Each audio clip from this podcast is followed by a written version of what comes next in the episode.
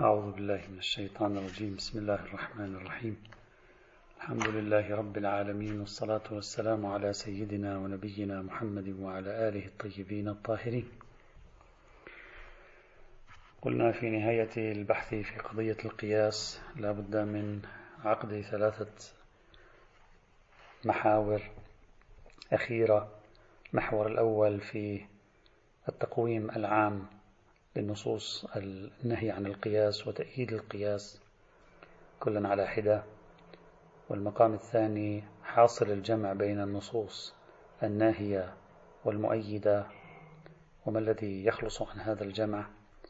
والنقطة الثالثة بعد أن أخذنا النتيجة النهائية كيف يمكن أن تكون نسبة هذه النتيجة النهائية إلى القواعد التي بحثناها سابقا في الاجتهاد المناطي واجتهاد العلل كتنقيح المناط وتخريج المناط وإلغاء الخصوصيات وأمثال ذلك.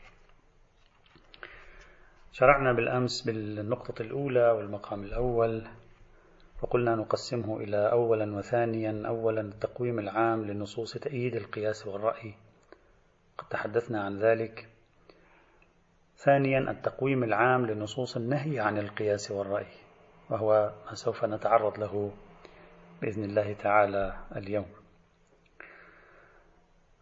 سابقا عندما تكلمنا عن كل مجموعة من المجموعات الحديثية الثلاث الناهية عن القياس والرأي كنا نستخلص نتائج من تلك المجموعات لا أريد أن أعيدها ولا أريد أن أكرر فقط أشير هنا إلى بضعة استنتاجات واستخلاصات أربعة يمكن أن آه، تنفعنا في المقام.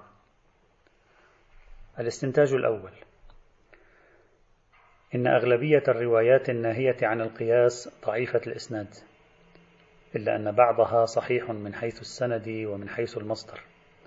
والذي ثبت عندي صحته بالحد المتيقن هو سبع روايات من أصل ما يقرب من سبعين رواية. وما يمكن أن يثبت صحة سنده عند المشهور يمكن أن يلامس العشرين رواية أو أقل بقليل. هذا من حيث الإسناد.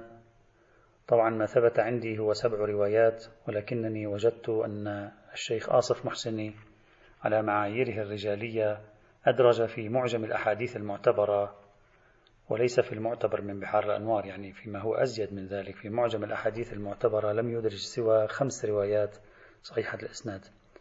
والظاهر أن سائر الروايات عنده ليست معتبرة والله العالم. هذا من حيث الإسناد. أما من حيث المتن فقد سجلنا سلسلة ملاحظات متنية على بعض هذه الروايات. كان عندنا بعض هذه الروايات عليها بعض الإشكالات المتنية خاصة إذا تذكرون تلك الروايات المنقولة في العصر النبوي وعن الأئمة الأوائل في القرن الهجري الأول. أعني بذلك الفترة التي تسبق الإمام الباقر عليه السلام والمتوفى عام 114 للهجرة.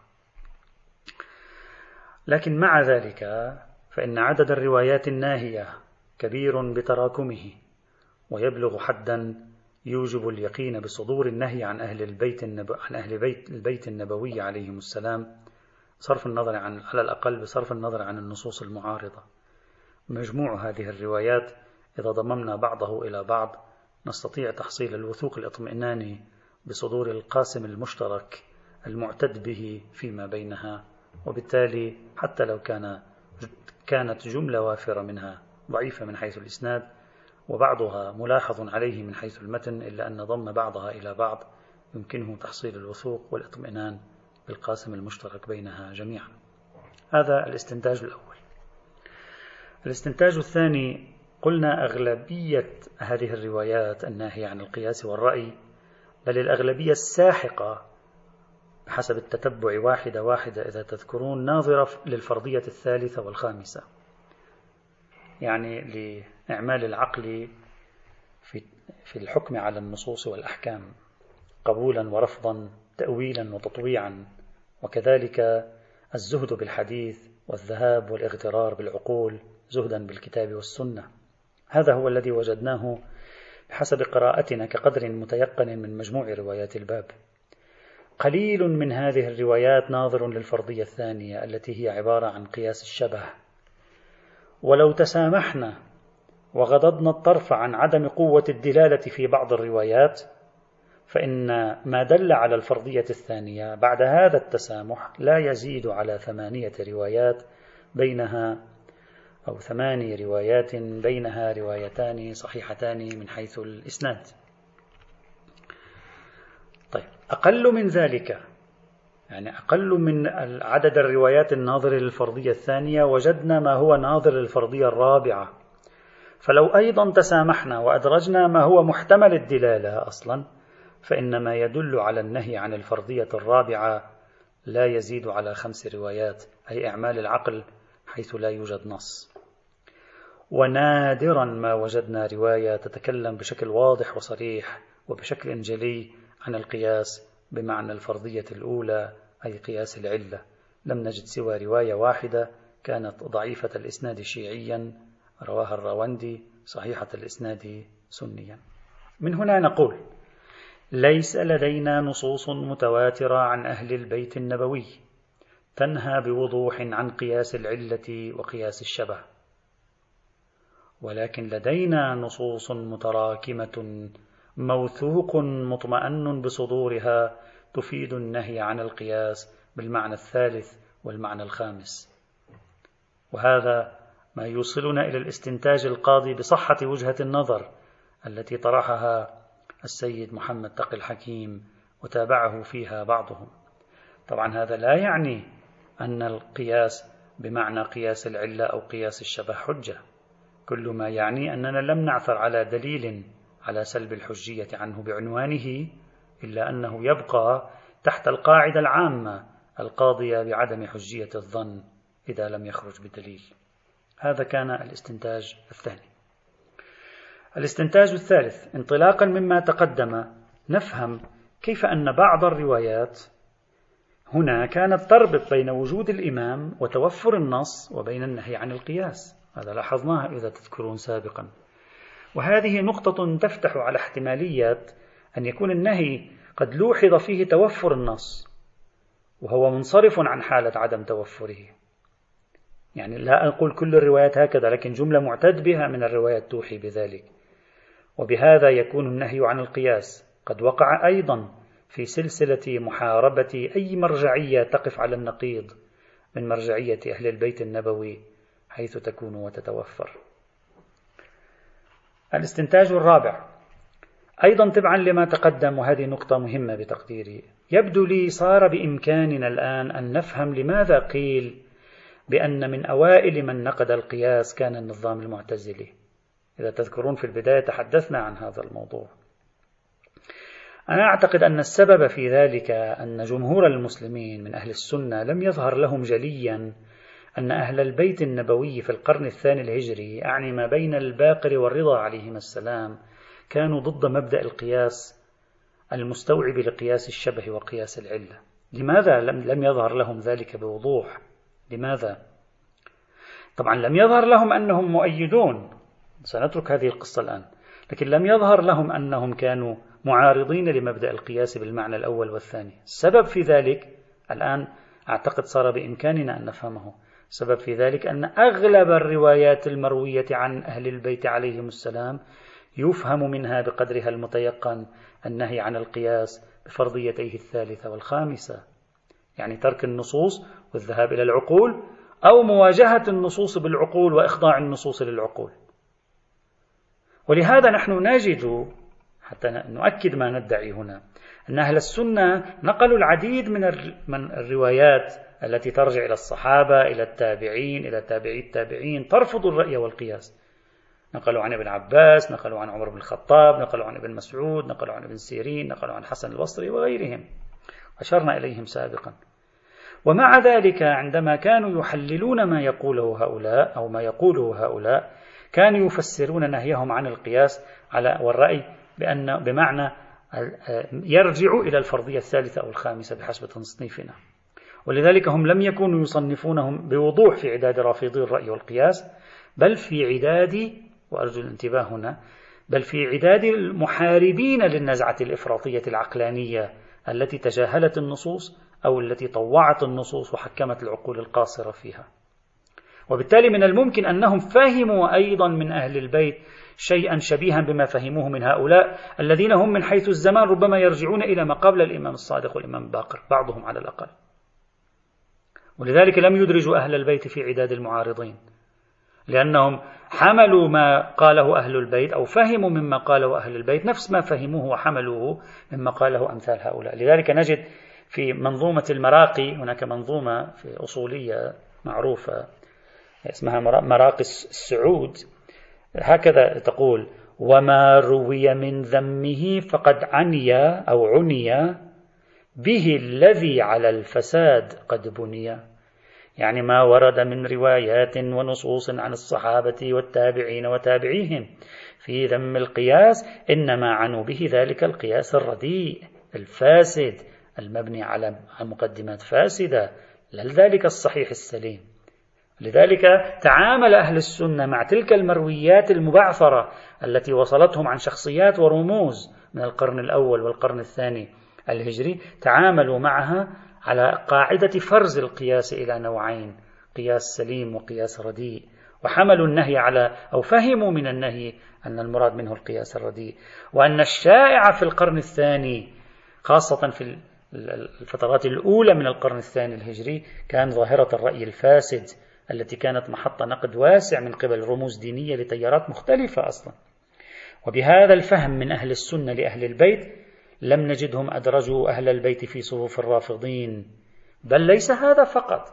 لعل ما ساعدهم على ذلك أنهم استندوا لنصوص مروية عن أهل البيت بأنفسهم تؤكد فكرة القياس. وقد وجدنا الروايات السنية التي تنسب إلى علي عليه السلام فهموا منها حجية القياس ولهذا لم يدرجوا أهل البيت النبوي في عداد القائلين بنفي القياس في هذا السياق.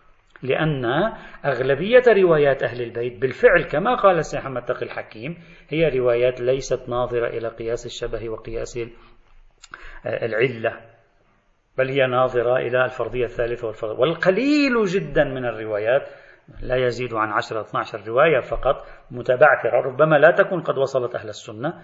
القليل جدا من هذه الروايات نلاحظ أنه كان مختلفا. أو ربما وصلهم بل بعضها وصلهم كما في بعض حوارات الإمام مع أبي حنيفة ولكنهم فهموا منها ما فهمناه منها كما قلنا.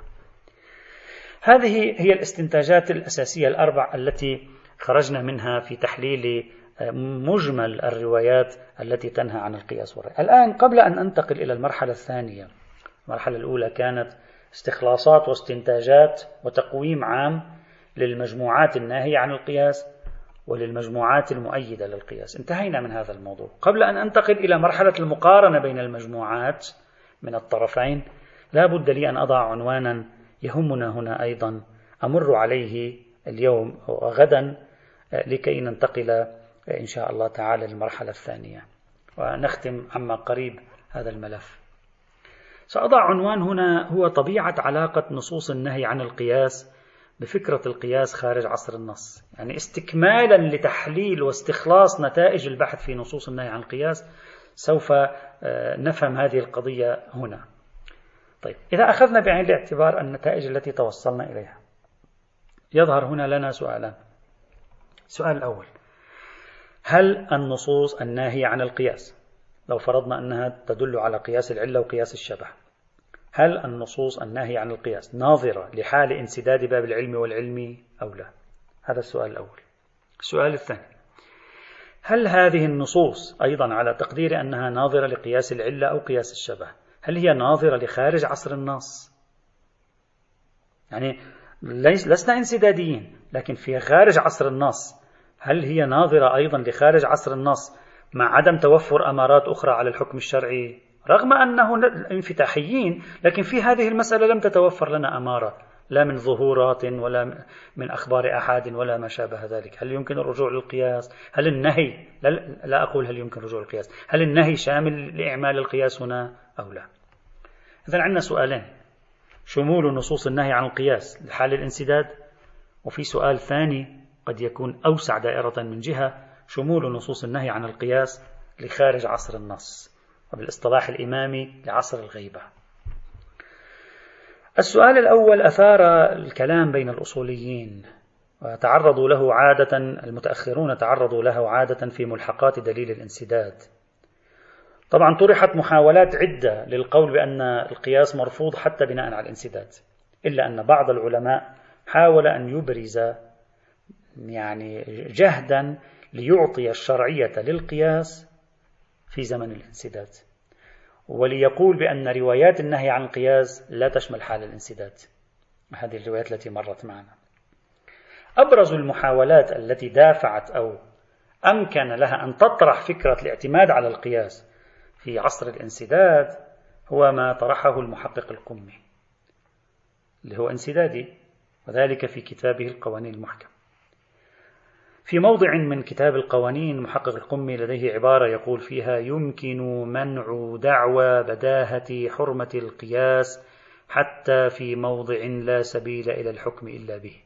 يعني نحن ندعي أنه الموضع الذي لا سبيل لنا للوصول إلى الحكم إلا بالقياس ندعي أنه حرمة القياس هنا ليست بديهية يعني يشير إلى حل الانسداد قل قابل للنقاش. ويتكلم أيضا عن هذا الموضوع في أماكن أخرى أيضا من القوانين المحكمة. هذه الفكرة اللي يتكلم عنها في أكثر من موضع. جمعها الشيخ مرتضى الأنصاري رحمة الله تعالى عليه وبينها بشكل أجود مما بينها في تقدير صاحب القوانين. شيخ مرتضى الأنصاري في الفرائد في ملحقات دليل الانسداد هكذا قال. قال ما مال إليه أو قال به بعض. يعني هو يستوحي وكأن ميرزا القمي أو أحد آخر غير الميرزا القمي أيضا. مال إلى هذه الفكرة بل يحتمل أنه قد قال بها. وإن كان الميرزا القمي في مواضع متعددة لا يقبل بالظن القياسي حتى في حال الانسداد لكن في بعض المواضع تجد شمة القبول بالظن القياسي في حال الانسداد عنده. لذلك يبدو الشيخ الأنصاري مترددا هنا. ما مال إليه أو قال به بعض من منع حرمة العمل بالقياس في أمثال زماننا. لا ليس حراما. وتوجيهه بتوضيح منه. يوضح الشيخ الأنصاري هذه القضية. يقول الدليل على حرمة القياس إن كان هو الأخبار المتواترة معنى في الحرمة فلا ريب أن بعض تلك الأخبار في مقابلة معاصري الأئمة صلوات الله عليهم من العامة التاركين للثقلين أو الثقلين حيث تركوا الثقل الأصغر الذي عنده علم الثقل الأكبر ورجعوا إلى اجتهاداتهم وآرائهم فقاسوا واستحسنوا وضلوا وأضلوا. وإليهم أشار النبي في بيان من يأتي من بعده من الأقوام فقال برهة يعملون بالقياس والأمير صلوات الله عليه بما معناه إن قوما تفلتت عنهم الأحاديث أن يحفظوها وأعوزتهم النصوص أن يعوها فتمسكوا بآرائهم إلى آخر الرواية. إذا روايات النهي عن القياس يريد أن يقول الشيخ الأنصاري هنا بحسب هذا التقرير يريد أن يقول روايات النهي عن القياس جملة منها ناظرة إلى سلوك الذين عاصروا أهل البيت. ما هو سلوكهم؟ ترك الثقل الأصغر. يعني الزهد بالحديث من مصدره الحقيقي وهو أهل البيت عليهم السلام.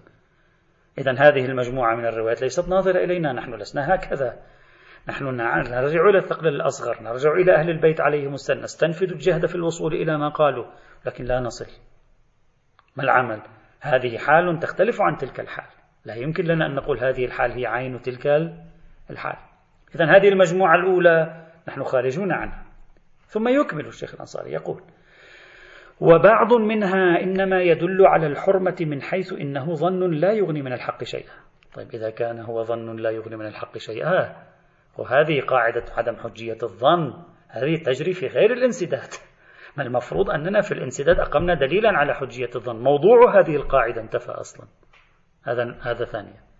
وبعض منها يدل على الحرمة من حيث استلزامه لإبطال الدين ومحق السنة لاستلزامه الوقوع غالبا في خلاف الواقع. يقول هذا يؤدي إلى إبطال الدين ومحق السنة. أما فيما نحن فيه إذا لم نرجع إلى القياس أصلا نحن لا نصل إلى الدين. شو أصلا؟ ما فيها هنا لا يوجد شيء اسمه إبطال الدين. وبعض منها يدل على الحرمة ووجوب التوقف إذا لم يوجد ما عداه. يعني إذا لا يوجد غيره لا يجوز يعني الحرمة وجوب التوقف إذا لم يوجد ما عداه. ولازمه الاختصاص بصورة التمكن من إزالة التوقف لأجل العمل بالرجوع إلى أئمة الهدى عليهم السلام أو بصورة ما إذا كانت المسألة من غير العمليات أو نحو ذلك. طيب الآن بعد أن فهمنا طبيعة المجموعات الحديثية في باب القياس يأتي تقرير البحث. يقول ولا يخفى أن شيئا من الأخبار الواردة على أحد هذه الوجوه المتقدمة لا يدل على حرمة العمل بالقياس الكاشف عن صدور الحكم عموما أو خصوصا عن النبي أو أحد أمنائه صلوات الله عليهم أجمعين مع عدم التمكن من تحصيل العلم به ولا الطريق الشرعي. إلى آخر كلامه. حصيلة ما يريد. يقول هذه الألسنة من الروايات الواردة في النهي عن القياس ألسنة لا تشمل حالنا. نحن لسنا بصدد أن نزهد بالثقل الأصغر. نحن لسنا بصدد أن آه، يعني لسنا أصلا موضوع قاعدة عدم حجية الظن منتفية بالنسبة إلينا وما شابه ذلك. هذا حاصل ما أفاده الشيخ الأنصاري بتحليل وتبيين لمتناثر كلمات المحقق القمي رحمه الله. والنتيجة إن نصوص النهي عن القياس ليست ناظرة لحال الانسداد. ففي حال الانسداد لا دليل على النهي عن القياس فإذا أفاد القياس الظن صار مشمولا للدليل العقلي على حجية الظن خاصة على الكاشفية. مسلك الكشف يعني ولا؟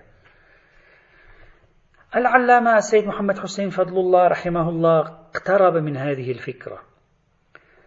ففي الحوار الذي أجري معه في مجلة المنطلق هكذا قال. قال إنني أتصور أن ثمة مسلمات درج عليها الأصوليون والفقهاء في الحكم الشامل بالنسبة للقياس. ويمكننا أن نعيد النظر فيها فلعلنا نكتشف شيئا جديدا. يقول في بعض المسلمات يبدو ارتكزت عندهم في أذهانهم لكن علينا أن نعيد الحفر في قضية القياس. ربما نحن نكتشف شيئا جديدا. طيب ما هو هذا الشيء الجديد الذي يريد أن يكتشفه؟ يقول وفي هذا الإطار لا بد من الإلفات إلى أن إلى أحد محفزات العمل بالقياس عند بعض المذاهب. يعني لا بد لنا نحلل لماذا ذهبوا للقياس يقول وهو انطلاقه من ضرورة معرفة الأحكام مع قلة الأحاديث الصحيحة. فلجأ هذا البعض إلى القياس لملء الفراغ كما حصل مع الإمام أبي حنيفة الذي كان أول من نظر للقياس وعمل به. إذ لم يصح عنده من أحاديث النبي إلا ثمانية عشر حديثا حسب ما أذكر بمعنى أنه لا يملك أي مصدر لاستنباط الحكم الشرعي. وهذا والكلام للسيد فضل الله ما نعبر عنه بدليل انسداد باب العلم والعلم. ومن الطبيعي الآن يعلق نجده يقترب من هذه الفكرة. يقول لماذا ذهبوا؟ لأنه أصلا طريقة تعاملهم مع الأحاديث أوصلتهم إلى هذا. انسد عندهم باب العلم والعلم فذهبوا إلى القياس. الآن يعلق هو. يقول ومن الطبيعي أنه إذا انسد باب العلم بالأحكام أو باب الحجج الخاصة أي ما يعبر عنه بالعلم فإننا لا بد أن نرجع إلى حجية الظن على بعض المباني كمبنى الكاشفية.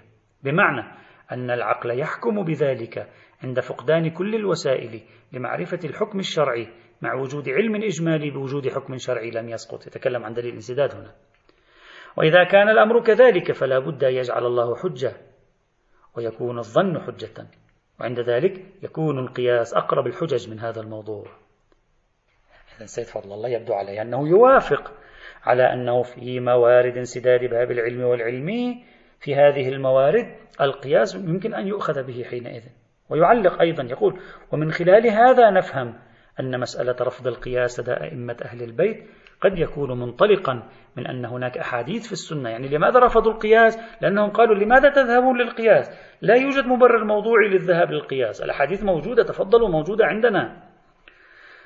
من خلال هذا نفهم أن مسألة رفض القياس لدى أئمة أهل البيت قد يكون منطلقا من أن هناك أحاديث في السنة الشريفة واردة بشكل واسع جدا لا يحتاج فيه إلى القياس لأن باب العلم مفتوح من جميع الجهات. مثلا سواء كان من خلال القواعد العامة أم من خلال النصوص الخاصة. هذا حاصل هذه المحاولة التي يطرحها المحقق القمي بتوضيح الشيخ الأنصاري ثم نجد شبيها لها طريقة مقاربة السيد فضل الله الذي يعتبر أن ذهابهم إلى القياس كان منطلقه انسداد باب العلم والعلم عندهم وأن عملية نقد ما فعلوه من قبل الأئمة إنما كانت تتضمن أن باب العلم والعلم غير منسد فبإمكانكم المجيء إلينا.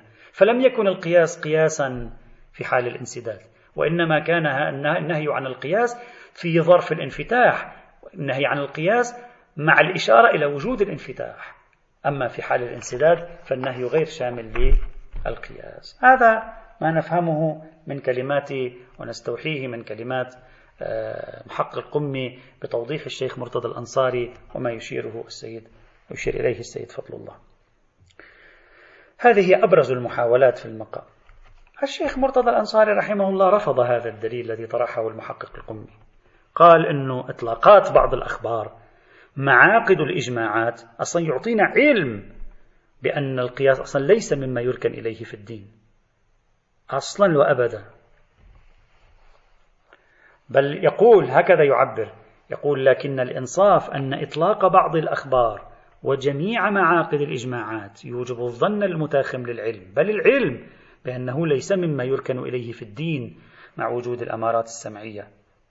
فهو حينئذ مما قام الدليل على عدم حجيته بل العمل بالقياس المفيد للظن في مقابل الخبر الصحيح يعني اللي هي تعطيه نتائج مسلك الميرزا القمي لأن كل كلاهما سيصبح ظنا معتبرا وحجة فأنت ستضعه في مقابل الخبر أيضا. يقول هذا ضروري البطلان في المذهب كما أفاده في كتاب فرائد الأصول. إذا حللنا كلام الشيخ مرتضى الأنصاري بدقة إخواني الأعزاء لو تتأملون في عبارته أكثر شيء يمكنه أن يثبته من الإطلاقات ومعاقد الإجماعات هو النهي عن عمل بالقياس بوصفه أداة حجة ظنية مع وجود أداة حجة ظنية أخرى. لأنه يتكلم مع وجود الأمارات السمعية ويتكلم مع حال المعارضة مع خبر صحيح ولو في ظرف الانسداد. أما هل أن معاقد الإجماعات هل أن إطلاقات النصوص تشمل حالة ما إذا فقدنا جميع الأمارات الظنية. عدا القياس. ليس عندي في المقام أي أمارة ظنية أصلا. لا يوجد ظن مقابل للقياس أو أمارة. لا يوجد سوى الأصول العملية في المورد. أصلا أمارة ما عندي. وأنا في ظرف الانسداد. هل الروايات التي تتكلم أنها أن بعضها مطلق؟ هل معاقد الإجماعات التي يتكلم الشيخ الأنصاري عن أن آه، أنها تشمل المقام. هل هي واردة في هذا؟ لا يبدو من عبارة الشيخ الأنصاري أنه يدعي ذلك. الشيخ الأنصاري كانت مشكلته أين؟ مشكلته أنك عندما تجعل القياس حجة في ظرف الانسداد معنى ذلك كل ظن حجة فالقياس صار حجة. فإذا عارض خبر واحد خبر الواحد حجة والقياس هم حجة؟ تعارضت الحجتين من الممكن يتقدم القياس عليه. يقول هذا معاقد الإجماعات لا تقبله. هذا ضروري البطلان. بعض الأخبار إطلاقاتها لا تقبله. أما نحن لا نتكلم في هذه الصورة فقط. نحن نتكلم في صورة أخرى يمكن فرضها معلقين على كلام شيخ الشريعة الشيخ الأنصاري وهو ماذا لو لم يكن في المورد إلا القياس؟ أمارة تكشف عن الواقع كشفا ظنيا. ماذا لو لم يكن في المورد عدا القياس إلا الأصول العملية التي لا تحمل في داخلها ظنا موجها للواقع؟ هل كلام الشيخ الأنصاري سيتم؟ أين توجد هذه الإطلاقات؟ أين هي معاقد الإجماعات هنا؟ نحتاج أن نحقق أن ندقق في مثل هذا الموضوع. فإذا كلامه ليس واضحا أنه ناظر إلى تمام صور المسألة في ظرف الانسداد. ولذلك يجب علينا أن نميز بين وجود معارض أماري للظن القياسي وعدم وجود معارض أماري للظن القياسي. في الحالة الأولى قد نقول لا نأخذ بالقياس لأنه ضروري البطلان معقد الإجماعات يشمله إطلاق بعض النصوص يشمله. أما في الحالة الثانية لا يوجد دليل واضح قرره لنا الشيخ الأنصاري ينفي حجية القياس في هذه الحالة إلا أنه مع ذلك يمكنني أن أقول بأن النصوص التي تكشف عوار القياس وخلله المعرفي تقول أصلا هو مبني على الخطأ. خاصة عندما تكلمنا عن موضوع الخلل المعرفي في حوار الإمام الصادق مع بعض رموز الرأي كأبي حنيفة. يعني عندما يعطيه بأشياء يفترض أن يكون حكمها متشابها ولكنها في الواقع غير متشابهة. يريد أن يقول له الأشياء قائمة على اللا تشابه. يريد أن ينفي له مبدأ التناظر والتشابه مثلا. إذا أخذنا هذا النوع من الروايات صحيح قليل الآن بصرف النظر نأخذ به في نفسه أو لا أن لو أخذنا هذا النوع من الروايات مثلا أو تلك الروايات التي تقول القياس يمحق الدين القياس بذاته يمحق الدين يعني هو ليس سبيلا معرفيا. هو هو بذاته ليس سبيلا معرفيا ليس كاشفا عن الواقع. كشفا غالبيا كاشف عن الواقع كشفا ضئيلا.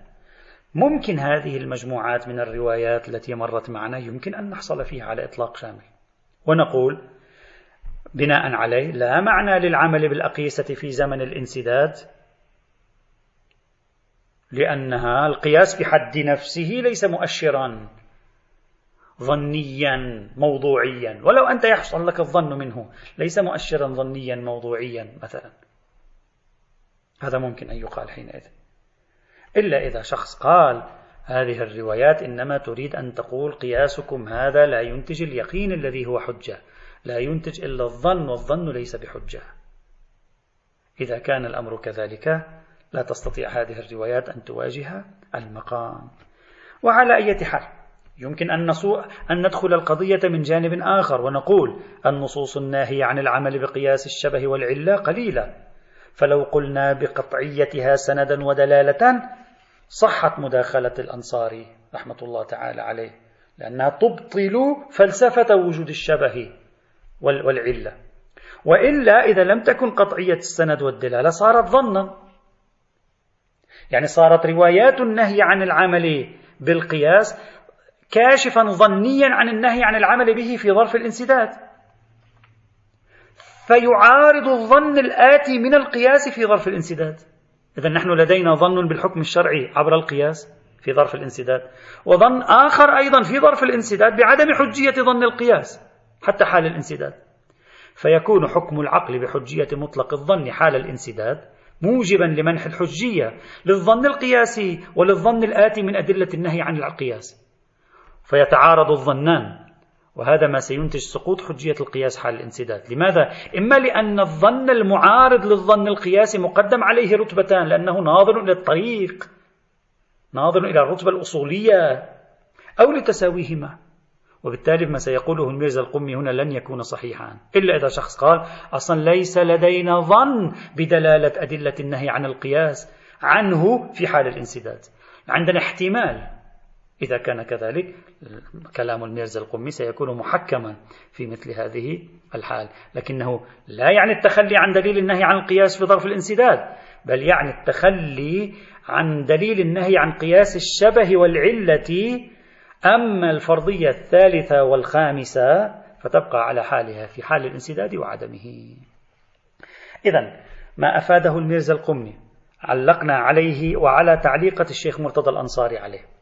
بقي أمامنا ما أفاده السيد محمد حسين فضل الله. ما أفاده سيد محمد حسين فضل الله فيما نقلنا له من نص علق عليه الفاضل الشيخ حسن الجواهري حفظه الله تعالى. في دراسة له مقالة له آه، نشرها في مجلة فقه أهل البيت ثم بعد ذلك نشرها في كتابه بحوث الفقه المعاصر في المجلد الثالث. الشيخ الجواهري علق على ما طرحه السيد فضل الله قال المسلمات التي درج عليها الفقهاء والأصوليون التي تريد أنت سيدنا سيد فضل الله أن تقول يجب أن نعيد النظر فيها يجب أن نفكر فيها ما هي هذه المسلمات؟ هذه المسلمات ليست إلا شيئين. الشيء الأول عدم إخضاع الأحكام الشرعية للعقل البشري والشيء الثاني عدم حجية الظن إلا أن يدل عليه دليل خاص. هذه هي مسلمات الأصولية. وهل هذه بإمكانك أن تردها؟ ليس بالإمكان ردها. إلا أن نناقش القرآن إلا أن نناقش السنة إلا أن نعتبر الأئمة مجتهدين وهذا لا يقول به أحد. هذا أولا. ثانيا المحاججات التي وقعت بين الإمام الصادق وأبي حنيفة هذه ليس لها علاقة بقياس الشبه والعلة بالقياس المصطلح عند أهل السنة بل هذه لها علاقة بما طرحه محمد تقي الحكيم يعني بما سميناه نحن الفرضية الثالثة. أنت فهمت من الاحتجاجات التي وقعت بين الإمام الصادق وبين أبي حنيفة فهمت أنه يريد ينهى عن قياس الشبه وقلت أن السياق النهي عن قياس الشبه هو سياق الانسداد. أصلا هي لا تريد أن تنهى عن قياس الشبه هذه. إنما هذه تريد أن تنهى عن قياس الفرضية الثالثة خارج سياق قياس الشبه. حتى تأتي أنت وتفسرها وتقول قياس الشبه ورد النهي عنه في ظرف في ظرف الانفتاح لا في ظرف الانسداد. بل أكثر من ذلك. إن الذي دفع أبا حنيفة وغير أبي حنيفة للأخذ بالقياس ليس انسداد باب العلم. الذي دفعهم للأخذ بالقياس مخالفتهم للنبي بالاقتداء بالأئمة ومنعهم من تدوين الحديث. وبالتالي الطريق ليس مسدودا للوصول إلى حكم الله من طريق العلم أو العلم. فما الموجب؟ نحن أن نعيد النظر في حجية يعني مطلق الظن بناء على الانسداد ونفكر في هذا الموضوع. بل نحن لو تحيرنا في مورد الانسداد نرجع للأصول العملية نرفع بها التحير. بعبارة أخرى نحن لا نعيش مشكلة أبي حنيفة. نحن في المذهب الإمامي لا نعيش مشكلة أبي حنيفة كي تدعونا سيدنا سيد فضل الله أن نعيد النظر في القياس. أنت تقول أبو حنيفة صار عنده انسداد فلذلك فكر في القياس فأهل البيت قالوا له لا يوجد انسداد تعال يوجد انفتاح لذلك لا تفكر بالقياس. هذا نحن لا نعيشه أصلا. نحن أصلا باب العلم والعلم منفتح عندنا ما عندنا مشكلة. حتى لو ما عندنا أمارات عندنا أصول عملية. إذا يوجد فرق بيننا وبينهم. فما تفرضه نحن اليوم ممكن أن نرجع إلى القياس؟ لا معنى له. الأمور قابلة للحل عندنا بلا حاجة إلى فرض الذهاب للقياس. بل أكثر من ذلك. أصلا من قال لك أن أبا حنيفة لم يثبت عنده إلا بضع روايات 17 رواية 18 رواية 15 رواية. الثابت أن أبا حنيفة عنده روايات أكثر من ذلك. أصلا آه، هذه مني أنا الآن. أصلا أبو حنيفة لديه مسند وفيه عدد معتد به من الروايات. صحيح هو لم يبلغ في رواياته مبالغ الحنابلة والشافعية لكن يوجد له روايات. وبالتالي لا داعي لأن نجدد النظر في قضية القياس الظني. بل حتى لو فرضنا انسداد باب العلم والعلمي وفرضنا أن مطلق الظن حجة أيضا لا يجوز لنا العمل بالقياس حتى تدعونا إلى تجديد النظر فيه. لماذا؟ لأن بين أيدينا روايات صريحة صحيحة متواترة تنهى عن الظن القياسي. وبالتالي نجمع بينها وبين دليل الانسداد ستكون النتيجة حجية مطلق الظن غير الظن الانسدادي الذي وردت الروايات المتواترة في المعنى عنه. وبهذا يستنتج الشيخ حسن الجواهري أن رفض القياس لدى أئمة أهل البيت لم يكن ناشئا من وجود أحاديث في السنة الشريفة واردة بشكل واسع حتى لا نحتاج القياس بل رفض القياس عندهم تابع لفكرة ضرورة التعبد بالنصوص الواردة عن النبي عن الله وعن النبي وأهل بيته. وهذا هو معنى التسليم سواء كان متوفر النصوص أو ليست متوفرة هذا هو المبدأ. فالعمل بالقياس ينافي مبدأ ضرورة التعبد بالنصوص هذه حاصل المداخلة التي قام بها الشيخ حسن الجواهري في التعليق على ما أفاده السيد فضل الله رحمه الله. أريد أن أتوقف قليلا عند المداخلات التي قدمها الشيخ الجواهري على العلامة فضل الله. وذلك أولا إن العلامة حسين فضل الله لم يدعو للقياس ولم يدعو إلى إعادة النظر في موضوع حجية القياس. حتى نصنف دعواه على أنها عودة لمسلك القياس وكأنه يريد أن يطلب منا أن نعود للقياس الآن. قياس أبي حنيفة. ويكون بذلك قد واجه المسلمات الأصولية الفقهية التي هي عدم إخضاع الشرع للعقل وعدم حجية الظن. أبدا ليست القضية كذلك. لا أريد أن أطيل هنا في استعراض نصوص العلامة فضل الله من مختلف كتبه بل من نفس هذا الحوار الذي أجري معه في رفضه حجية القياس. وسأكتفي أحيلكم على كتاب جمع نصوص السيد فضل الله من بحوثه الفقهية المختلفة وحواراته بما فيها هذا الحوار في مجلة المنطلق الذي يرجع إلى عام 1995 سأكتفي بإحالتكم على كتاب طبع آه، عام 2018 آه، تحت عنوان نظرات في مسألة القياس الفقهي. وهذا الكتاب ألفه أخونا الفاضل السيد محمد طاهر الحسيني حفظه الله تعالى السيد أبو طه. هناك نقل هذه النصوص بإمكانكم أن تراجعوا. أصلا الرجل السيد فضل الله لم يقل أنا أدعو إلى العودة إلى نظرية القياس وإلى إعادة النظر في موضوع القياس بالمطلق. أتكلم الآن بصرف النظر عن موضوع الانسداد أتكلم بالمطلق. أصلا لا يوجد في كلامه شيء من ذلك إطلاقا بل في كلامه نصوص صريحة صحيحة واضحة في أنه يرفض القياس ويعتبره دليلا ظنيا لا حجية له إلى آخره.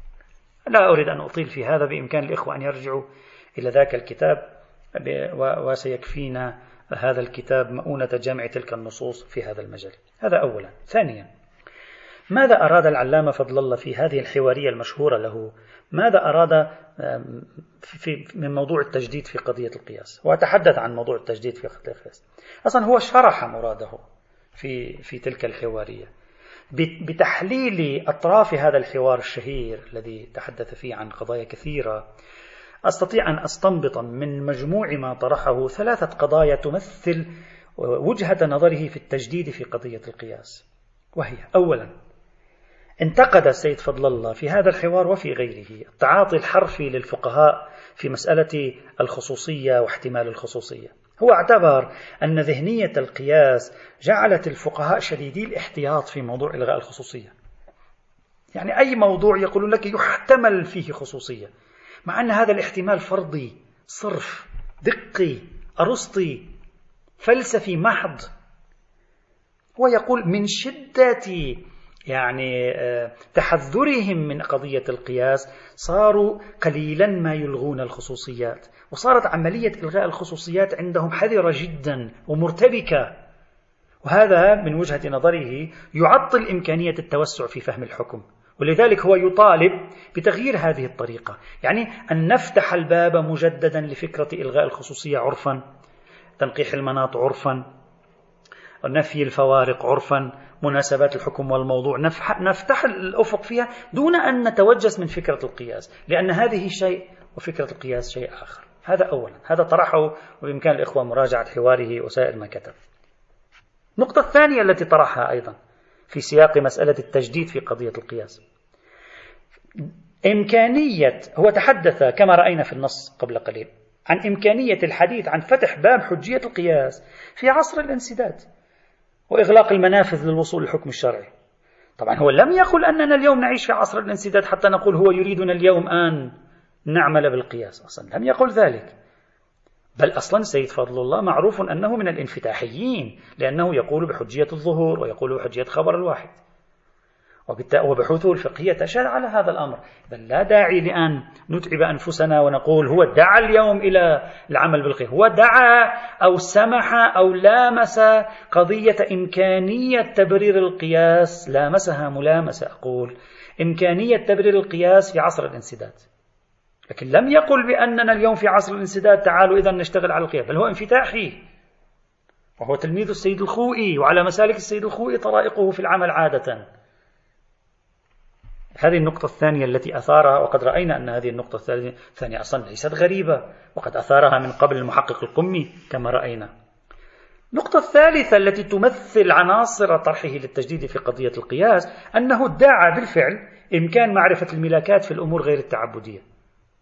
مثله مثل الشيخ محمد مهدي شمس الدين الذي طرح هذه القضية أيضا. قال هذا ممكن ليس بمغلق تماما. لكنه عندما تحدث عن إمكان فتح باب معرفة الملاكات في الأمور غير التعبدية هو كان واضح أيضا تحدث عن معرفة الملاكات بالفهم العقلاء العرفي البالغ حد الاطمئنان. ولا لا ولم يقل بكفاية الظن في اكتشاف الملاكات. وبالتالي هو ما زال على فاصلة واضحة ومسافة بينة من القائلين بالقياس. إذا هو عندما تكلم عن معرفة الملكات قال إن العقلاء يتعاطون مع الحكم بإدراك الملاك إدراكا اطمئنانيا بعفويتهم. لا تربكوا اطمئنانهم بالفرضيات وبتحميلها قضايا فلسفية واحتمالات فلسفية. دعوهم على عفويتهم في إدراكهم لملاكات هذا الحكم أو ذاك الحكم. على على على طريقة تنقيح المناط العرفي تخريج المناط العرفي وما شابه ذلك. إذا هو عندما تكلم عن هذا الموضوع تكلم عن فهم عقلائي عرفي للملاكات يبلغ حد الاطمئنان لا فهم يبلغ حد الظن. وبالتالي هذه هي النقاط الثلاث التي طرحها في موضوع التجديد في قضية القياس لمن راجع أطراف كلامي. التوجس من موضوع إلغاء الخصوصية نقد التوجس من موضوع إلغاء الخصوصية الحديث عن إمكانية فتح حجية القياس في عصر الانسداد دون أن يقول أننا نحن في عصر الانسداد بل هو ممن لا يرى أننا في عصر الانسداد. ثالثا فتح باب إمكان معرفة الملاكات في غير الأمور التعبدية فهما عقلائيا عفويا يبلغ حد الوثوق والإطمئنان وعدم كفاية الظن في ذلك. وهذه الأمور الثلاثة ليست أمورا غريبة عن عن فضاء من ينفي القياس. نظريا ليست أمورا غريبة. غاية الأمر أنها تفتح طريقا جديدة في التعامل مع الأمور. معتبرة أننا لو عدلنا لا نورط أنفسنا في القياس. فإذا عندما يقول هو تجديد النظر في القياس ليس بمعنى العودة لحجية القياس الظني. بل أرجو أن تدققوا معي جيدا. هو يدعو لنوع من التحرر هذا تحليلي لنوع من التحرر من وهم القياس القابع في نفوس رافضيه. لأن دائما كنت أعبر عنه بفوبيا القياس. كلامه قد تقول لي حق باطل في مسألة إلغاء الخصوصية غير إلغاء الخصوصية معرفة الملاكات. هذا لا يعنيني الآن لكن ما يعنيني بالفعل أن هذا شيء ودعوى أنه يريد القول بحجية القياس في نفسه شيء آخر. وقد رأينا أن طرحه للقياس في عصر الانسداد ليس مسألة جديدة أو غريبة بل طرحها قبله بعض العلماء كما رأينا في توضيحات الشيخ الأنصاري رحمة الله تعالى عليه. إذا آه هذه الملاحظة الأولى التي أسجلها على مداخلات الشيخ الجواهري والملاحظة الثانية الملاحظة الثالثة تأتي إن شاء الله تعالى والحمد لله رب العالمين.